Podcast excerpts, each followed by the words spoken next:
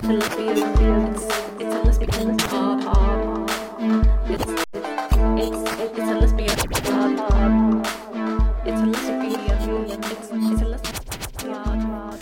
lyssnar på Lesbisk podd med mig Lotta Sundin och idag har jag inte med mig min eh, kompis Sofie för hon är ute på andra äventyr. Men eh, istället har jag med mig en jättecool gäst, Jenny Jägerfelt. Välkommen till Lesbisk podd! Tack så mycket. Eller- Fint att jag får vara cool också. Ja men det är du ju, du är så cool. Tycker I jag. try, I try.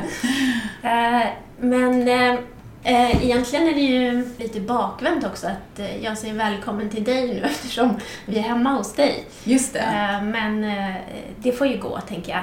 Vi, vi sitter här i ditt vardagsrum. Mm. Massor av böcker är det här. Ja, Är det här du sitter och, och skriver dina böcker också? Jag har ett skrivkontor på Söder ihop med lite olika författare, Mats Strandberg bland annat och eh, eh, Stina Wirsén som illustratör och sen Mhm. två andra barnboksförfattare. Eh, så där brukar jag sitta ofta, men jag sitter också ganska ofta hemma. Så idag har jag suttit hemma och skrivit till exempel. Jag har skrivit ihop med en, en kompis. Vi jobbar inte alls på samma projekt. Han heter Karl och han jobbar på sitt projekt, jag jobbar på mitt projekt. Men vi har utvecklat en så himla bra struktur för att skriva ihop så att vi, det är helt så här fantastiskt liksom, härligt att få jobba med honom. Så Mm. idag har jag jobbat hemma. Ah, Okej. Ja. Ja. Så knappt lämnat hemmet idag. Ja. ja, men det är bra, bra dag att inte lämna hemmet Mm. för det är bara isgata ute. Ja, verkligen. Det är livsfarligt. Men eh, du är ju både psykolog och författare. Mm. Eh, det låter ju som en sån härlig kombination tycker jag. Är det, är det den perfekta kombon? Ja, med. jag tycker att det är, alltså för mig är det verkligen den, den perfekta kombon. Just för att det är två områden, eller det är de två saker som jag är mest intresserad av, av allt egentligen. Så att, Mm. att läsa och skriva och varför människor är som de är och tänker som de tänker och känner som de känner och gör som de gör. Mm. Ehm, så, och det har alltid varit jätteintressant. Och egentligen så är det mycket som är gemensamt med de båda jobben. Att man försöker att förstå och undersöka Mm. just vad som så här, utgör en människa och hur man reagerar i olika situationer och så. Och sen också att språket är så viktigt eller att det, ordet är så viktigt på något sätt. Och både i böckernas liksom, värld eh, och i terapirummet till exempel så finns det också så undertext, alltså det som inte sägs, det som Mm. ta, uttalas väldigt tydligt och det som inte uttalas. Och det beror ju på vad man skriver för, för ålder. Jag menar, skriver man för treåringar så uttalas väl allt. Men skriver man för en äldre målgrupp så kan man ju uttala saker inte lika mycket. Liksom. Jag tänker också i terapirummet kanske någon pratar jättemycket om sin pappa men aldrig nämner sin mamma. Eh, och då vet man inte, det kan ju bero på att det inte finns några som helst problem med mamman. Men det kan ju också vara att det är så jobbigt att prata om för det är just exakt där problemen ligger. Mm. Ehm, så att Men är, är det som författare då, är, är det inte svårt då, går inte författaren igång då lite, eller för det skulle jag göra känner jag, om de började prata om bara sin mamma och inte sin pappa, då skulle jag genast börja tänka, Mm. oj det här var spännande, vad kan det komma sig? Och Mm. kanske är det så här. Mm. och sen börjar jag igång och skriva någon bok. Ja, Men eh, så, alltså jag blev ju på något, alltså jag har alltid skrivit sådär sen jag var liten, sen jag var sex år och så. Men så jag blev ju färdig psykolog innan jag gav ut någon bok. Och som psykolog blev man så himla drillad i att tystnadsplikten, den går liksom Mm. före allting annat. Eh, så att på det viset, men man försöker ju ändå förstå, okej vad, vad är det som gör då att den personen inte pratar om sin mamma överhuvudtaget? För det är ju som ett mysterium att försöka Mm. nysta upp. Ehm, och också förstå, eller liksom kanske göra det då talbart om det är så att det är Mm. någonting som inte går att prata om det för att det är för svårt eller för jobbigt. Då vill man ju hjälpa personen att, om man tror att det skulle hjälpa den i alla fall, att kunna sätta ord på saker som kanske har med den här relationen att göra. Så jag tänker att man är så hårddrillad i att här, inte ta ut det som händer i terapirummet till någon annanstans. Däremot kan man ju märka tendenser och kanske använda sig av dem. Att så här, åh vad många människor det är som känner sig ensamma till exempel. Mm. Eller åh vad det. människor, många människor är som om de har haft en förälder med alkoholproblem som får tillitsproblem till exempel. Alltså så man kan ju märka mer tendenser och ta med dem i skrivandet utan att för den skull ehm, använda en person eller, eller sådär. Mm. Och jag blir, alltså faktum är att jag liksom, jag blir faktiskt inte ens lockad utan det blir mer att jag blir stressad att Alltså vid något tillfälle så var det så att jag hade skrivit en bok, den blev inte utgiven sen, det var tur det, den var ingen bra. Men eh, jag hade skrivit en bok i alla fall och den var typ klar. Och sen så mm, var det en, en klient som berättade en, en sak, eller liksom en händelse som jag hade skrivit i boken. Fast jag hade redan skrivit den så jag hade hittat på den. Men hon berättade och den var så pass lik så att jag tänkte så här, den här kan jag aldrig ha med för att då kommer hon om Kommer hon läser- tro att det är hon, hon? ja, Då kommer hon tro att jag har snott från henne och det var så himla hemskt så att jag eh, den tanken så att jag liksom ja, jag fick ta bort den. Mm. Och det var ju ganska stora problem i boken om man tar bort en hel scen eller ett helt kapitel liksom. Mm. Men eh, ja, boken var ändå så dålig som sagt så det gjorde inget att inte den kom ut. Är det så? Ja. Men för du, eh, du hinner med allt det här också, tänker jag. Du hinner skriva alla böcker och du har så mycket projekt. Man ser dig på TV och i, tidningen. Och, Men du hinner ta emot patienter också då? Ja, jag gör bara det en dag i veckan. Det kan ju verka Mm. som att så här, åh vad, vad jag gör mycket. Men jag gör ju, alltså jag har klienter på onsdagar så då, då har jag dem liksom. Mm. Den, då den dagen helt vikt åt det. Och sen de andra dagarna så skriver jag för det mesta. Nu har jag faktiskt försökt, för jag gjorde så himla mycket olika saker ett tag och, och jag har alltid gillat att göra olika saker och tycker så här, åh men det är kul och det, det ger saker till varandra. Men nu har jag försökt dra ner på det för det blir så himla så här Mm. det blir lite väl splittrat så att eh, nu gör jag egentligen ja, men jag skriver för em, en dagstidning, så här, svar på frågor som folk skickar in. Ja, eller ja, i Svenska Dagbladet. Ja, Mm. Ja, för de är så härliga. De älskar jag. Ja, vad kul, vad roligt. Ja, de är så... Det är både till unga svenskan och till eh, vu- vuxensvenskan Just så att säga. Ja. Mm. Ja, och till, till sto, stora svenskan, om man ska säga vuxensvenskan. Nej, men då kan jag också skriva så här essäer eller så. Som idag har jag skrivit om kreativitet till exempel i dagens eh, Ah. nummer av Svenskan och vad, vad man vet om liksom, kreativitet och vad det finns för biologisk grund, alltså beroende på hur människor eh, är konstituerade. Till exempel har man kunnat se att eh, det finns något som kallas för så latent hämning. Och till exempel om du tänker att du är på en föreläsning och så hör du en gräsklippare utanför fönstret. Då kanske du först kollar dit och bara, "Ah, en gräsklippare. Ja, och sen så tänker du på det ljudet en kort sekund och sen så återgår du till föreläsaren. Mm. Eh, Men människor som har liksom svårt med den här hämningen, de blir uppmärksamma den här gräsklipparen och sen uppmärksamma om någon som går och växlar pennan och sen något annat som händer och så. Mm. Och det har visat sig att till exempel personer med ADHD då, som jag har, eh, har lite svårare att återgå till föreläsaren. För det, tanken är att man sen, ja men då återgår man till föreläsaren och lyssnar vad den har att säga. Mm. Eh, Men människor som har svårare med latent hämning, de är också mer kreativa till exempel har det visat sig. Ja, men så här, Mm. det är bara spännande och då får jag skriva lite om vad jag vill. Så kan jag Okej. bestämma själv. Så jag gör svenskan, både för barn och vuxna, så gör jag TV4 och så skriver jag böcker. Eh, liksom, nu håller jag på med ett par, tre olika projekt samtidigt så det är liksom så här. Och det är väl det, I guess. Ibland gör jag föreläsningar. Det är bara det. Nej, bara det. Men förut var det mer så att jag hade kanske 15 uppdragsgivare. Så kanske jag gjorde en Okej. grej en gång i månaden. Men då verkar det också som att man gör 100 000 saker. Mm. Men eh, vi försöker verkligen att dra ner liksom, för att jag vill skriva ännu mer. Mm. Jag tänker, eh, vi måste ju prata lite om att du har så mycket HBTQ i dina böcker. Eh, Varför är det viktigt för dig? Varför får det ta så mycket plats? Mm. Alltså, när jag... Men delvis för att jag befinner mig i ett sånt universum själv, antar jag, och har gjort. ehm, att jag inte befinner mig i ett så här hetero tvåsamhetsnormativt universum. Liksom. Mm. Ehm, och sen också för när jag pluggade till psykolog så eh, var det så himla tydligt hur Delvis så var liksom unga personer som ehm, på något sätt befann sig inom hbtq-sfären överrepresenterade på BUP. Fast det Mm. visste man inte när de kom. Utan man kan i efterhand se att perso- hbtq-personer har varit på BUP i unga år men inte pratat någonting om till exempel att de är hbtq-personer, att de är homosexuella eller att de har en annan könsidentitet men man kan se senare att de har haft kontakt med psykiatrin tidigt. Och, och jag tyckte att det var så intressant hur svårt det var att, varför man inte kunde prata om det då. Alltså man kan ju bara nämna i en bisats om det är någonting, det behöver inte ens vara något problematiskt som man kommer med. Men sen också hur stor okunskapen var på BUP.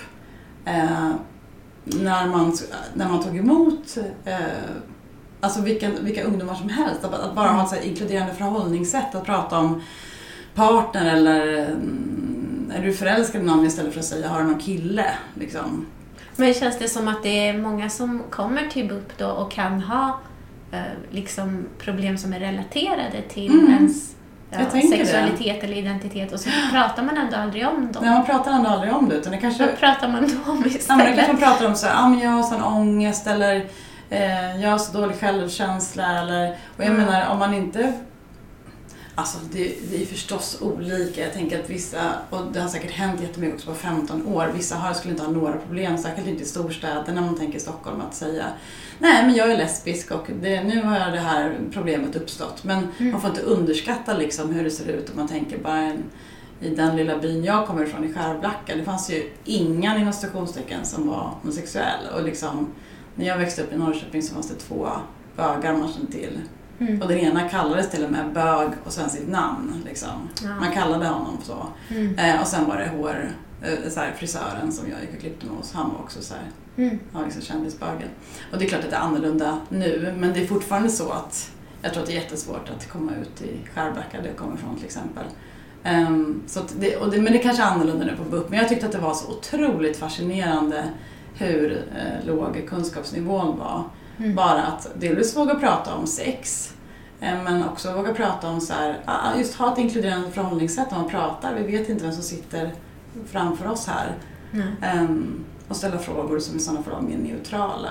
Och att jag Mm. tänker att det skulle vara en fråga som man checkar av som alla andra när man får en person som är i en viss ålder kanske, man kanske inte behöver fråga en treåring, det är lite svårt. Nej. Eh, Men att man checkar av ungefär som man checkar av så här, men hur ser det ut med sömn, hur ser det ut med, hur ser det ut med mat, hur ser det ut med kärlekslivet, Eh, finns det någon som är intresserad av det? Och sen undersöka, finns det något som är svårt inom något av de här olika områdena som rör relationer eller kärlek eller något som man funderar lite extra på och så.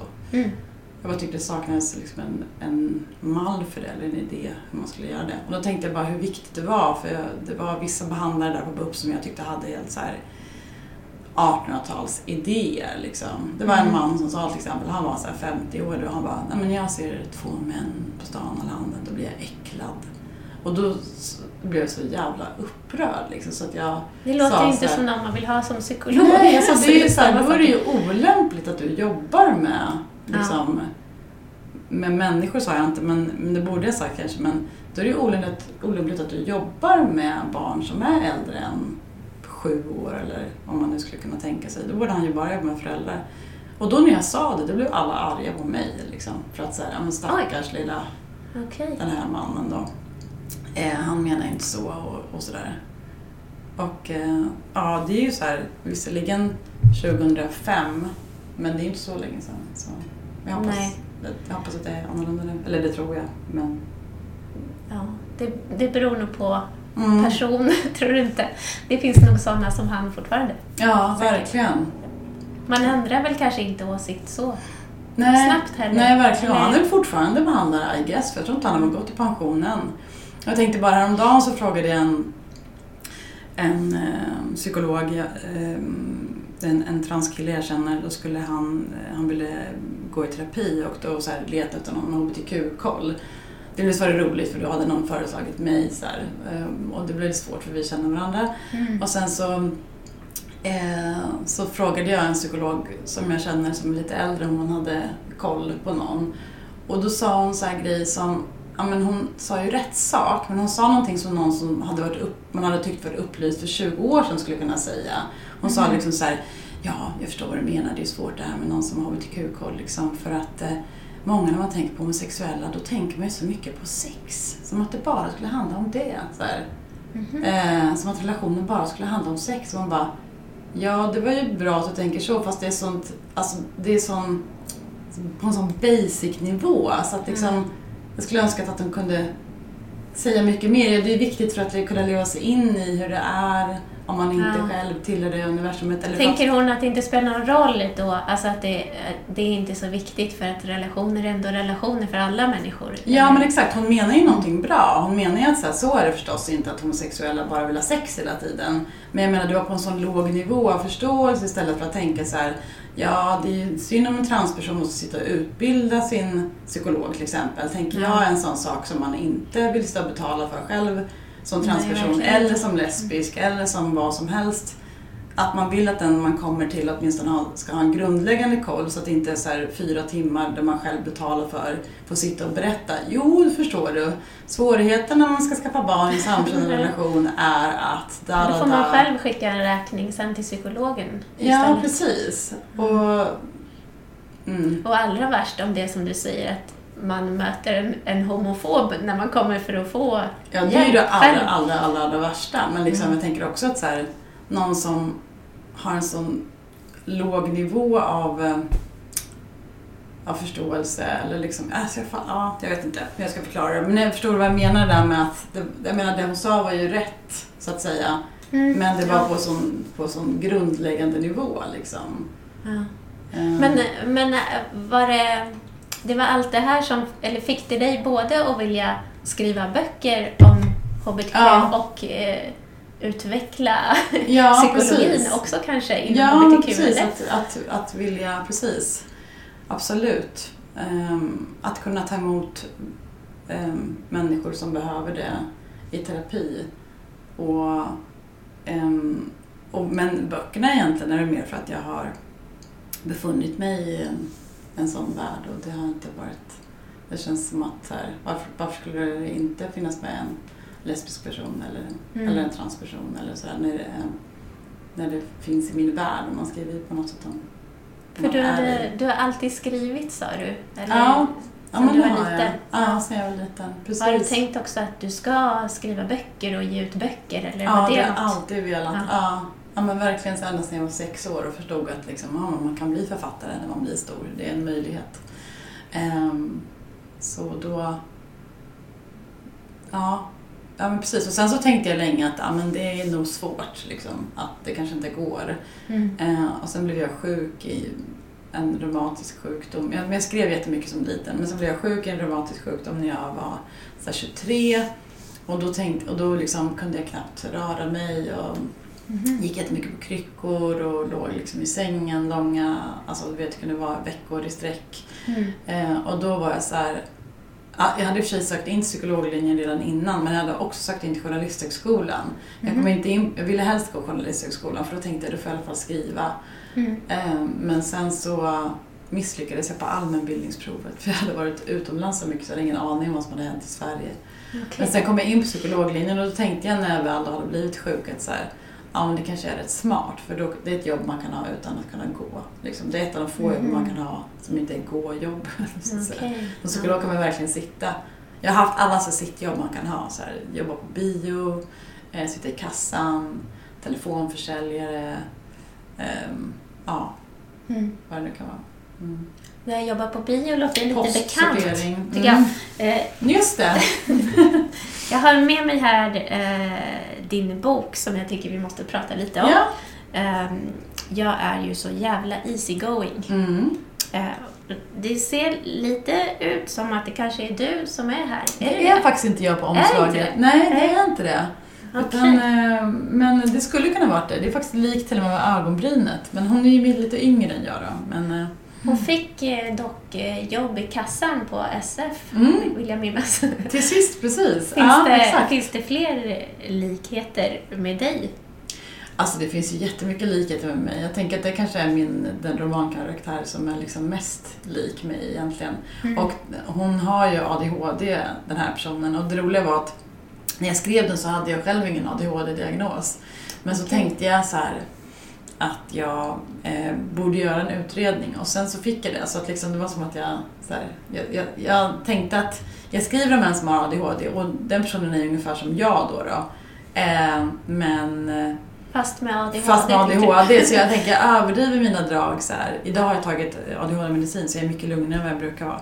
Jag blir så mycket mer introvert på ADHD-medicin så det är nästan så ibland svårt att göra intervjuer på ADHD-medicin. Jag blir mer såhär, liksom, mer, men det är kanske bra i och för sig, då blir det mindre stickspår.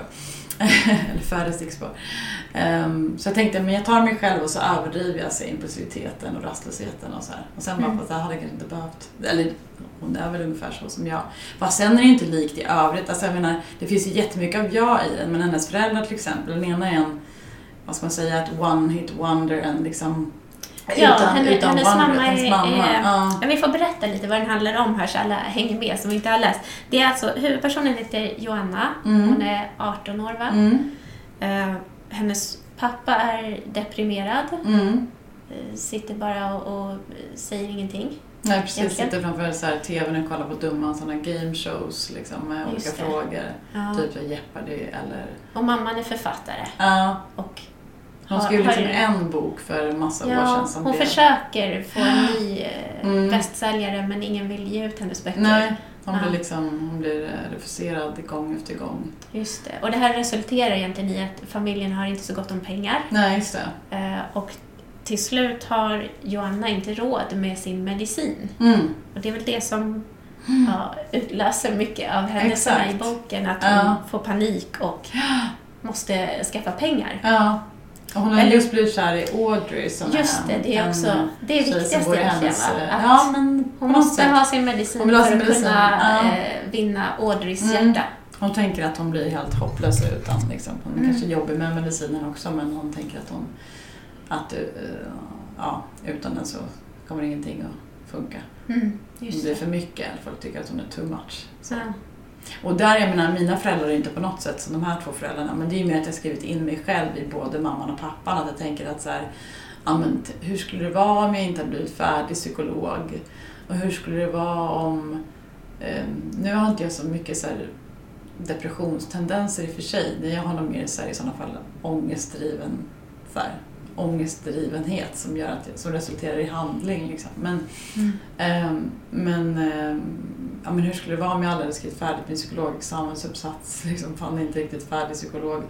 Jag var tvungen att jobba inom psykiatrin hela tiden, vilket förstås är jättemeningsfullt och, och, men också ganska svårt och tungt jobb. Eller hur skulle det vara om jag hade skrivit en bok och sen liksom blev refuserad bok efter bok efter bok? För jag har ju blivit refuserad förut, men tänk om det bara hade fortsatt så.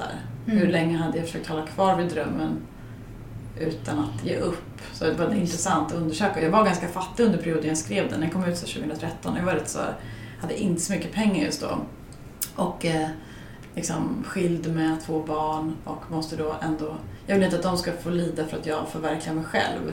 Så det var liksom de Nej, det frågorna. är ju, för det känner man ju Mm. verkligen när man Mm. läser boken. För huvudpersonen är ju så himla eh, sympatisk så man hejar ju så mycket på huvudpersonen känner jag. Mm. Så när, när mamman liksom väljer sin, eller det känns ju som hon väljer sitt eget själv, Mm. sin egen självutveckling eller sin egen Ja. karriär eller vad man ska säga, Ja. framför dotterns hälsa Mm. egentligen. Mm. Och det, då blir man ju ganska arg på mamman känner Ja, jag. ja, absolut. Inte okej. Du får Mm. göra vad som helst. Du får eh, skaffa något jobb på Konsum Mm. eller ja, joina din dotter här i SF-kassan eller vad Ja, som helst. Liksom. Eh, ja. Men det är, svår, det är en svår grej det där just att man... Nu är mam, pappan deprimerad och sitter mest framför soffan men alltså hans ansvar är ju också att om han mår så dåligt, vilket förstås kan vara jättesvårt om man är deprimerad, men hans ansvar är på något sätt också att ta tag i sitt liv från Mm. sitt håll. Mm. Och man blir ju irriterad på mamman, men det enda är intressant att tänka sig, jag tänker hur många så här, pappor som kanske skulle kunna gjort så om man hade, och då har kanske mamman jobbat på ICA istället då, eller någonting. Ja. För jag måste leva för min konst är ju, har ju mer varit ett så manligt privilegium liksom. Men tänker du, eller nu vet inte jag så mycket om det, men kan, Mm. kan du pappan ta tag i sitt liv när han mår så dåligt att han bara sitter och, och tittar framför sig? Det är ju det är ju förstås, det är förstås jättesvårt liksom. Man måste ju, och, och det är verkligen inte så lätt att säga bara säga ja, han får rycka upp sig liksom. Eh. Men jag tänker att man har ju ett ansvar någonstans. Sen behöver han ju hjälp att se det. Eh, jag tänker att mamman kanske skulle varit mer aktiv i att få honom att söka hjälp. Eller liksom få honom att, och han är också psykolog så han borde ju veta vad han skulle göra. Men sen när jag vet att det är jättesvårt att göra det när man ser allting i så himla svart. Det var någon jag träffade som hade en teori om att det, om man har eh, någonting man vill utforska själv så man blir psykolog. Mm. Vad tror du om det? Ja men det är så här, någon gammal idé. Men den som vill bli psykolog har mest problem själv. Så här. Ehm, och jag tror att om man, jämför så här, socionomer och psykologer så är det en jättestor, eller jättestor, men det finns en klasskillnad ofta. Alltså Mm. psykologer är så medelklassens barn och socionomer är oftare liksom arbetarklassens barn.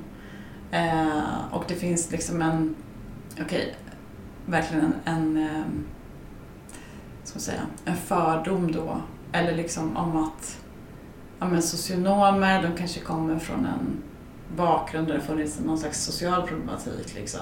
Mhm. Och att eh, så här, psykologer, ja men de har haft kanske så här medelklassbarns dilemman då mer. Mm, alltså okej. som inte handlar till exempel om pengar eller fattigdom. Det kan ju handla om liksom, alkoholism och så förstås för det men Alltså obs, jag överdriver nu liksom. Ja, ja. Men, Men fördomar är väl så? ja men fördomar är väl så men, det, men klassgrejen är helt klart sant. För jag tänker så här Mm. på psykologlinjen Eh, då, då var det vid ett tillfälle som en kille i klassen liksom bad eh, alla räcka upp handen som hade en eller två föräldrar som hade ett liksom klassiskt arbetarklassjobb. Mm. Eller som inte var akademiker, jag minns inte hur han formulerade frågan, eller som inte hade gått på universitet eller högskola. Och det var liksom två personer som räckte upp handen. Mm. Ehm, så, så att det finns ju en, så här, en, en klassgrej där i... Jag vet inte vad jag började att säga, men jag tänkte om pappan eller... Ja, mest problem själva. Jag tror att kanske om man börjar intressera sig för frågorna så kanske man har haft skäl att göra det. Så kan det ju vara. Men sen är det jätteviktigt att man jobbar med sig själv så att man inte lever ut sina egna issues liksom, på sina Nej, patienter nej, så att säga. klart. Patienterna kommer ju inte dit för att höra om dem. Nej, nej exakt. Men, men även på ett annat sätt, alltså mer så omedvetet att så här, säga att jag har haft jättemycket problem med min pappa. Säg att det skulle vara så.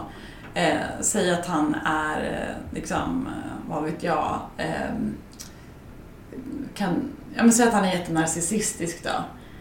Och, och, sen om jag har det ganska obearbetat i mig och så kommer en man i liknande ålder, det behöver inte ens vara liknande ålder, det kan ju väckas upp av det liksom, i alla fall, bara någon är lite lik i sitt sätt eller så. Mm. Jag menar, det kan ju finnas en funktion för mig att agera på ett visst sätt mot min pappa, att begränsa honom eller så ah, nej men här känns inte okej och da, da, da, da, da, att man sätter de gränserna som barn. Men som terapeut kanske man ska ha ett helt annat förhållningssätt. Mm. Så att man inte så omedvetet eh, lever ut sina egna inre dramer i relation till patienten, för den ska jag ju Mm. hjälpa. Liksom. Ja. klart. så. så man behöver ha koll på vad man har i sitt bagage. Därför är det bra att psykologer går i terapi, det tycker jag alla, liksom, Mm. alla som jobbar med människor. Det vore fint om de kunde göra det. Om man Mm. har möjligheten. Jag tänker, ehm, det har ju blivit ehm, mycket mer HBTQ nu i, i böcker, i Mm. litteraturen. Och det känns som det har blivit mer normaliserat och mer, Mm. att det är mer positiva berättelser. Mm. Det är inte bara olycka och sorg och människor som kommer ut och, och allt blir jobbigt. Ja, nej. Men ehm, hur, hur ser du, eh, stämmer det här överens med hur det ser ut där ute i världen på riktigt? Eller är det liksom, är det vi författare som eh, drömmer fram en, en, en ny Utopisk. eh, utopisk värld som inte finns än kanske? Mm. Vad tror du? Alltså jag tycker att det finns som två så här parallella rörelser. Liksom, att, om man tänker just på litteraturen då, då var det ju verkligen så. Men förr fanns det inga böcker alls om homosexuella till exempel. Transpersoner ska vi inte ens prata om. Det fanns det absolut inte. Eller ja, det är klart, tittar man långt tillbaka så finns det böcker om till exempel någon transperson som är 100 år gammal eller någonting sånt där. Men, men det, det fanns i alla fall inte böcker. Och sen så började eh, det komma böcker med homosexuella personer till exempel, som an, men då var det ofta relaterat till ett problem.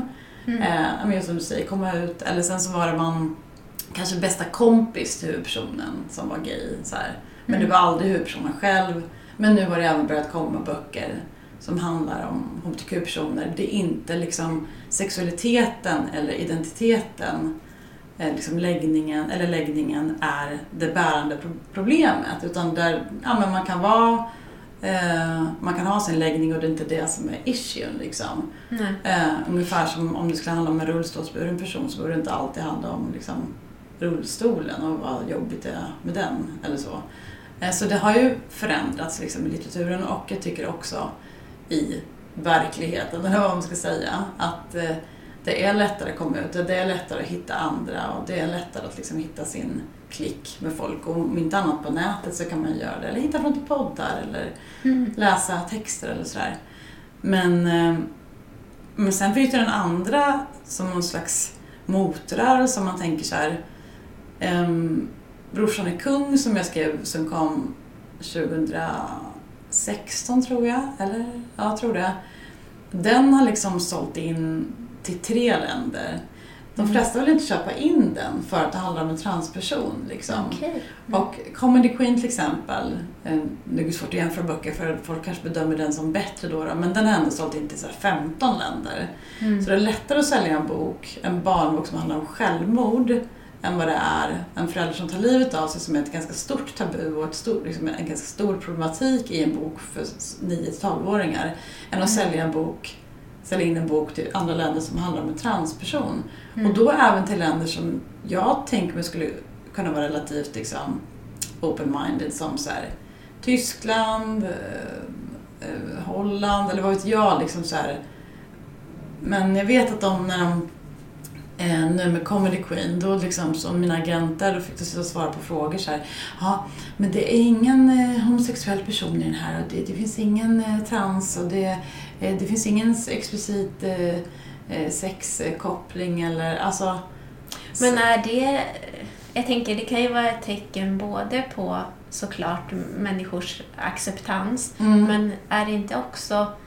ja, Tyst, agenter. Ja. agenter har ju eh, också ett jobb att sälja böcker och då ser de väl målgrupper Mm. överallt eh, och tänker, jag vet inte om de tänker att heterosexuella är den största gruppen. Alltså mina agenter jobbar ju för mig för att sälja in den alltså. alltså Absolut. men, ja. Jag tänker på eh, i, i andra länder. Jag tänker förläggarna där liksom. Ja, de som vill eh, Men det är det som är... Men det är det köpa som in är dina böcker. Ja, men precis. Men jag tänker att, för de har ju uttryckligen sagt att nej, men en transperson, nej, men det kan vi inte köpa in. För det är liksom föräldrar och morföräldrar Mm. och farföräldrar som köper böckerna. Okej. Och de kommer inte tycka att det här temat, temat liksom, Mm. är okej. Eh, Mm. De kommer tycka att det är så här, nej, det här kan vi inte... Ja, det är svårare med, med barnböcker tänker jag också, för Mm. barnen sällan får välja själva. Nej, men det är ju det. De eh, kan ju låna på biblioteket själv om biblioteken finns kvar. Men, eh, men Mm. eh, svårare att eh, när någon annan ska köpa det till en. Som de tänker, Ja. man tänker att det är någonting Ja. som ska vara bra. Men eh, ja, jag tänker t- två samtidiga, samtidiga rörelser liksom. Om man ser politiskt liksom så med liksom, utvecklingen så känns det som att ehm, att ibland blir man ju mörkrädd när man tänker på så här, men Tjetj- Tjetjenien nu liksom. Ja. Eh, och, så då finns det ju som en bakåtkraft där som är Ja. jätteskrämmande. Ja, det är ju såklart väldigt olika i olika länder. Mm. I och för sig, det finns väl i Sverige också kan man väl säga. Mm. Att det går åt båda hållen. Alltså, Mm. Det känns som vi går framåt på vissa områden medan andra Mm. vill mm, ja, gå tillbaka mer i, Ja. i utvecklingen i hb- hbtq-frågorna. Ja. Men, för jag, jag tänker också, um, om, man, eller om vi tar det här med, med komma ut. Mm. Det känns på något vis i alla fall som att ungdomar idag har, har det lite lättare Mm. när de vill komma ut för att omgivningen inte tycker att det är en lika Ja. stor sak. Men kanske är det också lite olika inom olika grupper inom Mm. hbtq-världen, tänker jag. Eller för, vi hade ju Ulrika Westerlund Mm. i, eh, för två avsnitt sedan här Mm. i podden. Och då pratade vi lite om den här transutredningen. Just att det. Många mår dåligt och så. Mm. Eh, så jag kanske är det... Ja, väldigt att bara... skrämmande så här uppgifter. Men jag har inte läst hela men jag har fått den liksom berättad för mig. Mm. Mm. Så tänk, jag tänker kanske har vi liksom, har folk blivit mer accepterande för homosexuella men Mm. att på transområdet har vi inte kommit lika långt. Nej, jag vet verkligen. inte om det. Och särskilt när det gäller liksom icke-binära transpersoner så blir folk väldigt provocerande av att, eh, provocerade av att man inte klart och tydligt kan säga ja, men vilket håll vill du gå åt då? Ja, men jag vill använda alla de här olika attributen eller jag vill inte ha ett, ett liksom, eh, jag vill ha ett annat pronomen, jag vill inte ha han eller hon. Eller, då verkar folk bli mycket mer provocerade. Mm. Ehm, Varför, varför blir de det? Är det, är det något, kan, man, kan man som psykolog se någonting annat där än, eh, än vi andra, jag på att säga? Men kanske, ja, nej, men jag vet inte om det bara så här, eftersom vi är så hårt drillade i han, hon redan från början, att det är en sån otrolig tydlig liksom, eh, tryck på det. Alltså ända från man ser en liten bebis, ja, blir det en pojke eller flicka? Eller redan i magen, så, ja, vad ska det bli? Vet jag vad det blir? Mm, ja. Alltså tar folk reda på det och det är liksom det första man vet om sitt barn kanske. Alltså Mm. man vet att det är ett barn och sen kanske man vet vilket kön det har, och om, man, om det kommer ut så kanske man vet vilken hårfärg och sådär. Lite grann hur det ser ut men man vet liksom ingenting. Och då ger man det en massa egenskaper som att det kommer med det här Mm. könet. Och då tänker jag att här, om man väl då har accepterat att okej, det finns de som upplever att det kön de blev tilldelade vid födseln rent juridiskt och det som folk har tolkat eh, deras kroppar som Mm. inte stämmer, ja, då kanske man kan tänka sig så här, ah, okej, ja det blev fel då. Mhm. Ja men då är det på det andra viset. Så här. Men att det blir Mm. mycket svårare att, att det skulle han, handla om någonting eh, som inte går att sätta den stämpeln på. Men jag vet inte, det är väl liksom jag tänker också så här populärkulturen och hur man har liksom svartmålat så här, queera personer eller hur man har gjort alltså, mördare eller liksom folk som har varit bizarra. De har varit så här, eh, haft könsuttryck som inte har stämt överens ehm, som man tycker om med, med vad, man tänker, vad de är födda i eller har, det juridiska kön de har. Ehm, jag tänker på den här boken av Johan Hilton, Monstret i garderoben, där han skriver om Mm. så här Anthony Bates och Psycho, den här filmen där liksom, ja men då får han ha en klänning på sig och i, mot slutet där han, när man ser att han har behållit sin döda mamma. Alltså att, det, att man gör någonting av, eller likadant så här, eh, när tystnar lammen, vad heter den? Lammen När lammen när tystnar. lammen tystnar.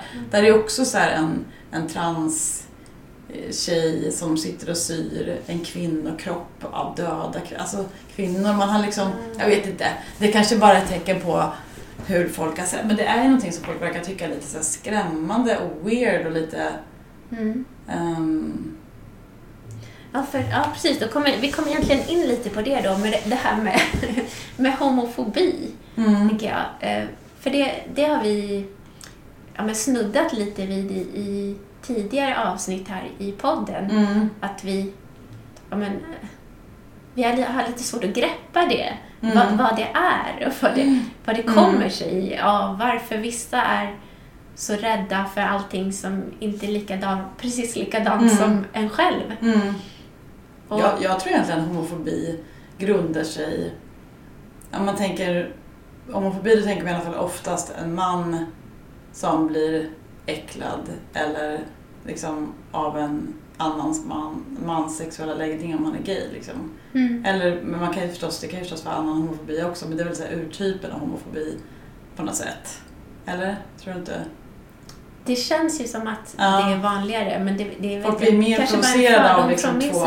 Men jag tänker att man tänker mer så här, två kvinnor tar man inte riktigt på allvar. Eller det är så här, om, om man tänker något klassiskt så här, hö får man vara med här då också? Ja, grejen. och att män, är mm. mer, män riskerar mer att bli dödade om de visar upp sin läggning i fel sammanhang eller håller varandra i handen eller pussar varandra på fel ställe. Men Mm. jag tänker egentligen att det handlar om ett, ett eh, ursprungligen ett, ett kvinnohat, alltså ett internaliserat kvinnohat. Alltså de tror, tror jag går hand i hand därför att vad man ogillar med eh, homosexualitet eller liksom är på något sätt att man är rädd för en femininiserad man. Alltså Mm. man tycker det är obehagligt med en feminin man som kanske har ett, vissa feminina maner eller åtminstone ligger med en annan kille. Mm. Ehm, ehm, och alltså jag, alltså jag tror verkligen att kvinnohat, även fast det kanske är dolt till, till och med för dem själva då, också är homofobi ofta går hand i hand. Ehm, och att man behöver, eh, för att liksom få bukt med så homofobi, så behöver man jobba med liksom, könsroller eller alltså jämställdhetsfrågor och så. Ehm, och, och det är ju hela så här, mansrollsproblemet, så här, eh, machokulturen och eh, alltså hur man, hur man bör vara som en man.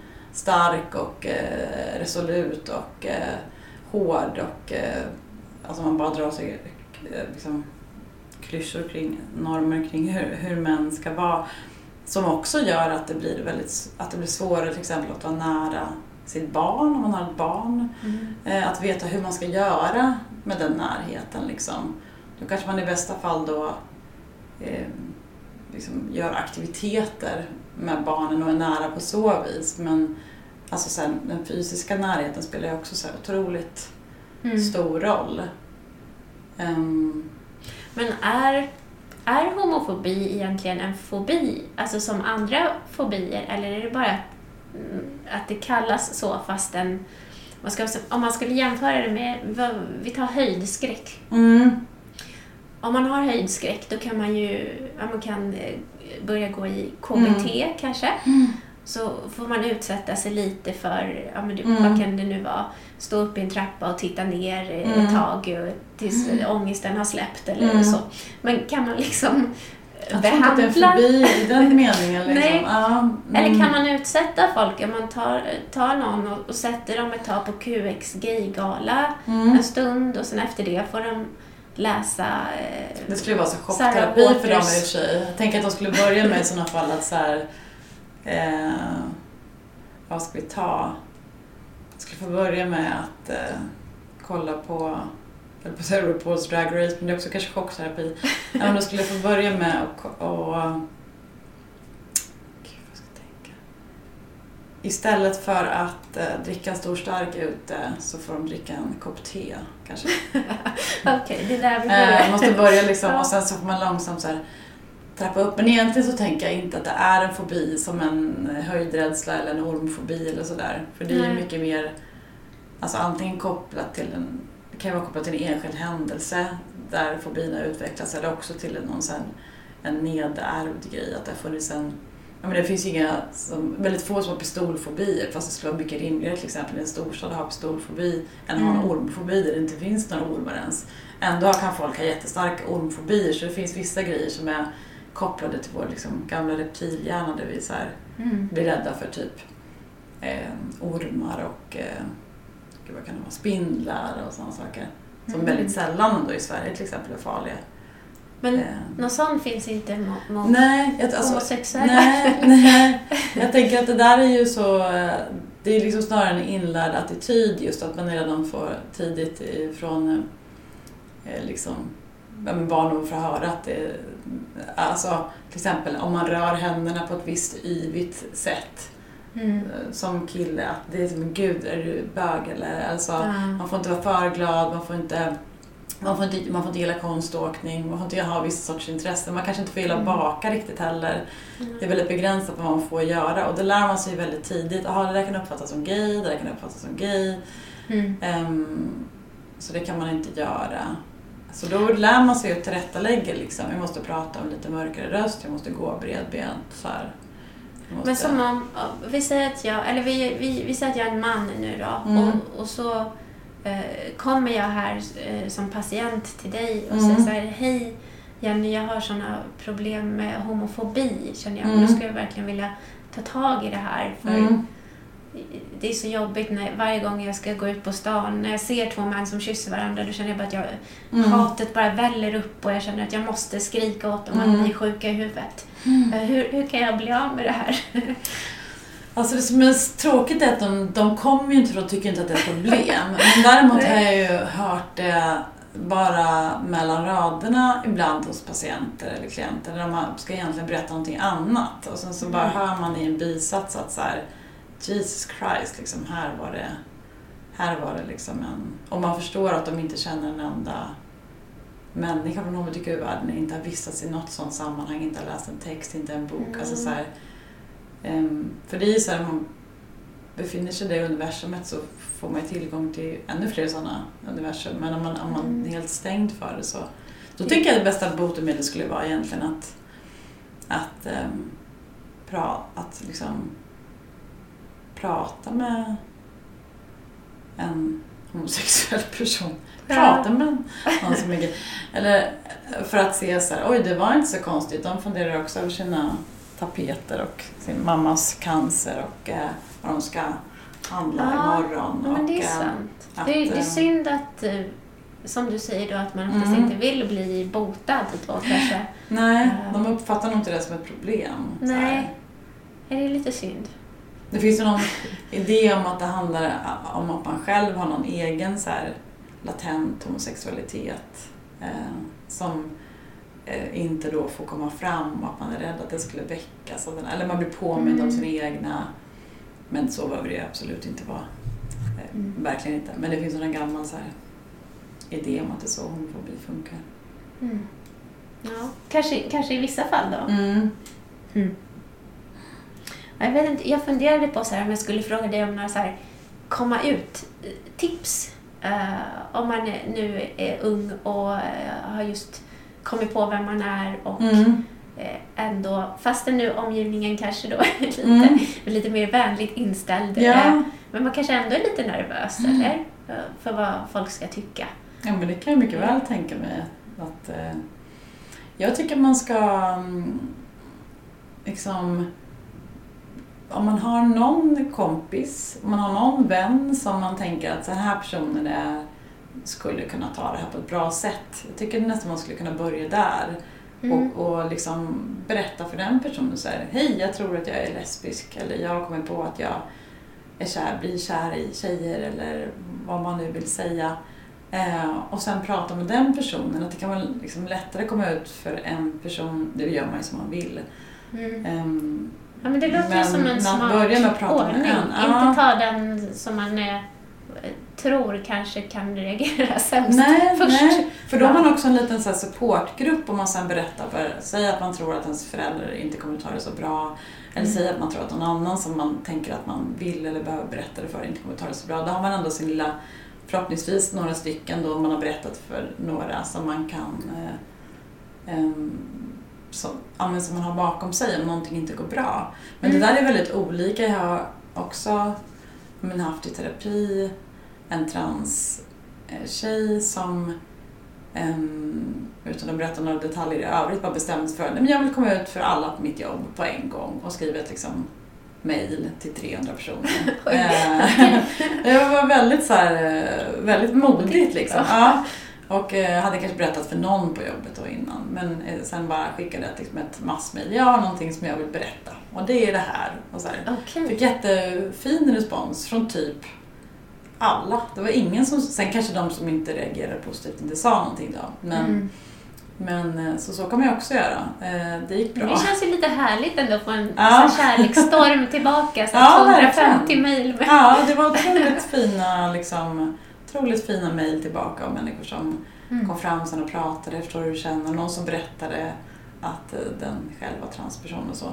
Så, Mm. så kan man ju faktiskt också göra om man känner att det är ehm, att man bara, "Nej, men jag vill bli av med det, jag vill inte att folk ska gå och undra. Jag orkar inte att de ska se liksom, min transformering och bara va? Varför Mm. har han då, som de skulle tänka, örhänge nu? Eller varför har han ett sånt här smycke? Eller Mm. vad det nu var. Så tyckte hon då att det var bättre göra på det viset. Mm. Mm. Ja. Men jag tänker att det kan vara en ganska bra sak. Och sen också man kan leta upp, liksom, komma ut historier på nätet. Man kan liksom, att man kan bli stärkt i att läsa om andras berättelser. Också Mm. läsa böcker om hbtq-personer för att så här, ah, men så här kan det också vara. Mm. Och känna igen sig eller inte känna igen sig, men så där är det inte för mig. Så där är det för mig. Liksom.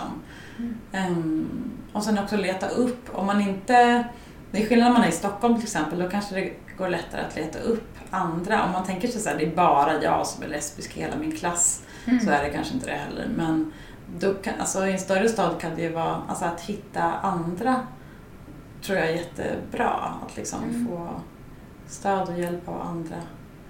Mm. Mm. Man Det låter mer? klokt. Mm. Om, om vi ska, om vi ska mm, tänka på mottagaren istället då kanske. Om man nu är förälder Mm. och ens barn kommer och vill berätta för en. Mm. Finns det, finns det något eh, extra bra och peppigt man kan göra för att ta emot det här på ett bra sätt? Mm. Jag kan ju berätta från egen erfarenhet av att eh, min dotter kom ut som heterosexuell för mig. Okej, hur reagerade du då? Jag tog det väldigt bra, måste jag säga. Men jag har inga problem med heterosexuella. Jag känner Nej. många heterosexuella och alla är väldigt trevliga. Ja. Eh, men hon sa så här, jag har sagt så mycket, så här, ja om du träffar ja, men så här, en partner eller en kille eller en tjej eller så här, ja men också så här könsneutrala pronomen liksom. Och till sist så sa hon så här, du behöver inte säga så. Jag vet att jag är heterosexuell och det har jag alltid varit och det kommer jag alltid att vara. Så du kan sluta säga det där ja, så, så. Nej men jag tror att det viktigaste är att lyssna. Om man har bestämt sig för att komma ut är det förmodligen någonting som man har funderat mycket på. Hur man ska säga, när man ska säga det. Eller det beror på, det kanske, om det är odramatiskt kanske man bara säger det i, i så här, hallen. Shit, jag har blivit kär i Ellen. Eller vad det nu kan vara. Mm. Och så bara, ah vad kul, vad roligt. Så du har blivit kär i en tjej. Eller om man nu vill säga ens det liksom. Men jag tänker att det är viktigt att lyssna för det kanske är någonting de har förberett sig. Jag vill säga det här. Mm. Och det kanske får vara en, kan vara en liten monolog då. Då får man bara lyssna på, ah, okej, jaha. Och sen om man nu skulle känna någon egen skräck eller egen så här, hjälp, vad ska mormor säga? Eller just kommer jag inte få några barnbarn nu? Eller vad man nu kan. Då får man hålla det för sig själv. Och så får man Ja. snacka med sina kompisar om det. Mm. Man ska inte hålla på och belasta sitt barn med sådana liksom, farhågor. Utan där ska man bara vara stöttande. Även om man tänker så här, till exempel om man vet att transpersoner är mycket mer utsatta än andra. Om det nu är en sån kommer ut grej med identitet och istället för läggning. Så att så tänk, även om man får en massa så här skräckscenarier. Bara shit, tänk om det här går illa och tänk om du blir misshandlad eller vad det nu kan vara. Att Mm. man behåller det lite för sig själv och bara så här: okej men jag ska stötta dig på bästa sätt som jag kan. Vilket Mm. ju bara är att vara en rimlig förälder. Liksom.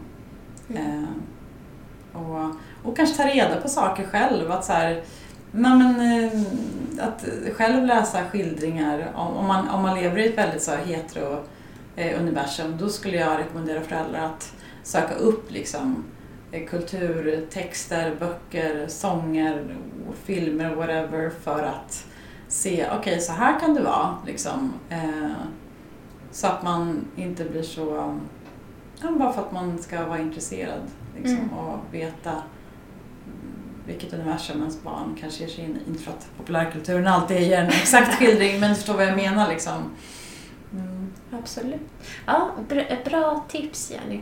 Jag tänkte ju passa på att fråga här nu då avslutningsvis. Mm. Eh, tror du att vi kommer få läsa någon mer bok av dig med någon lesbisk huvudperson framöver? Det tror jag. Ehm, det tror jag faktiskt. Ehm, just nu håller jag på med en barnbok med en karaktär. Det är en kille. Och jag tänker att han är homosexuell utan att veta om det riktigt. Eller också är han bara ganska feminin i sitt sätt. Liksom. Och det märker han, det funkar inte så bra. Liksom. Eller det verkar folk Mm. reagera på. Så just det här med att man måste... Och han liksom försöker göra det tydligt för sig själv. Vad får man och vad får man inte vara intresserad av till exempel? Konståkning? Nej.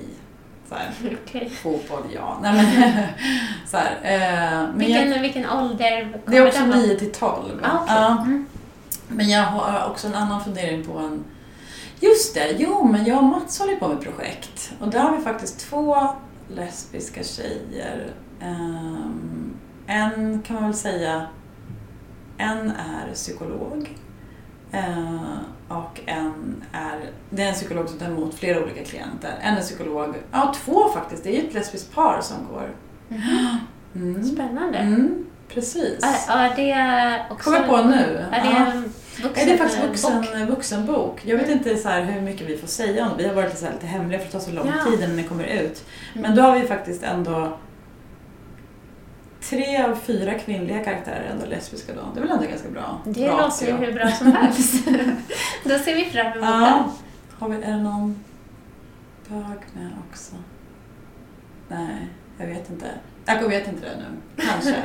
Mm. Okej, ja, men, det låter ju Mm. jättebra. Vår, mina lyssnare här kommer ju bli Mm. jättenöjda. 75 procent, det är, det är Ja. bra. Det låter som en Mm. bra utdelning. Eh, Du, lycka till med det här och med alla dina andra projekt. Och Tack! tack så jättemycket för att du ville vara med i Lesbisk podd. Det var bara roligt. Eh, Då säger vi tack och hej och eh, på återseende. Hej då!